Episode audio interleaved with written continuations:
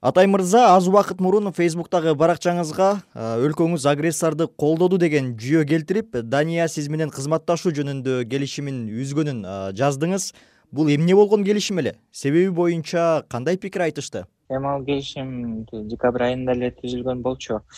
Э, биз э, он жылдан бери ошо европада эң көп иштеген ошо европада болуп да. Токсон процент жумушубуз ошо көбүнчөсү европада бизде. Анан жыл сайын бизде жок дегенде төрт беш контракт э, болот. Бул контракт болсо даниянын циркында болмок болчу копенгагендин жанында. Пандемия үчүн биз эки жыл иштеген эмеспиз. Ошон үчүн биз үчүн ушул келишим бизге өтө мындай күткөн келишим болчу да. Мына бир саат мурун чалып ошо азыркы болуп аткан себеби менен эң алгачкы себеп эмне экенин билбейм анткени эки себеп бар.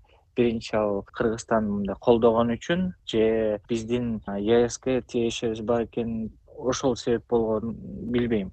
Кайсынысы эң алгачкы экенин бирок бизге ошентип эле айтышты. Кыргызстан казакстан россия э, европада ошо артисттер иштей албайт ошон үчүн келишимди ошо э, токтотууга чечим келди. Деп акыркы убакта эл көзүнө көп көрүнбөй калдыңыз эле. Азыр кайдасыз? Эмне менен алексиз? Эми пандемия башталгандан бери кыргызстанда эле болчумун. Анткени мүмкүнчүлүк жок болчу эч жерге чыкканга. Ошол э, эч нерсе деле башка деле эме жок тарап жок.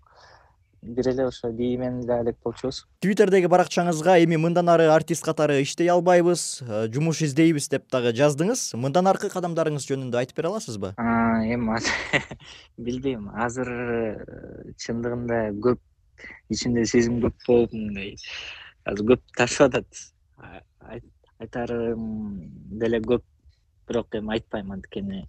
Сезим үчүн азыр көп сөз сүйлөй берсем туура эмес да болуп калат. Ошон үчүн азырынча билбейм. Аягына чейин ушул нерсени жеткирели анан көрүнөт. Жогоруда айтылган келишимди калыбына келтирүү мүмкүнбү? Кандайдыр бир аракет кылса болобу бул боюнча?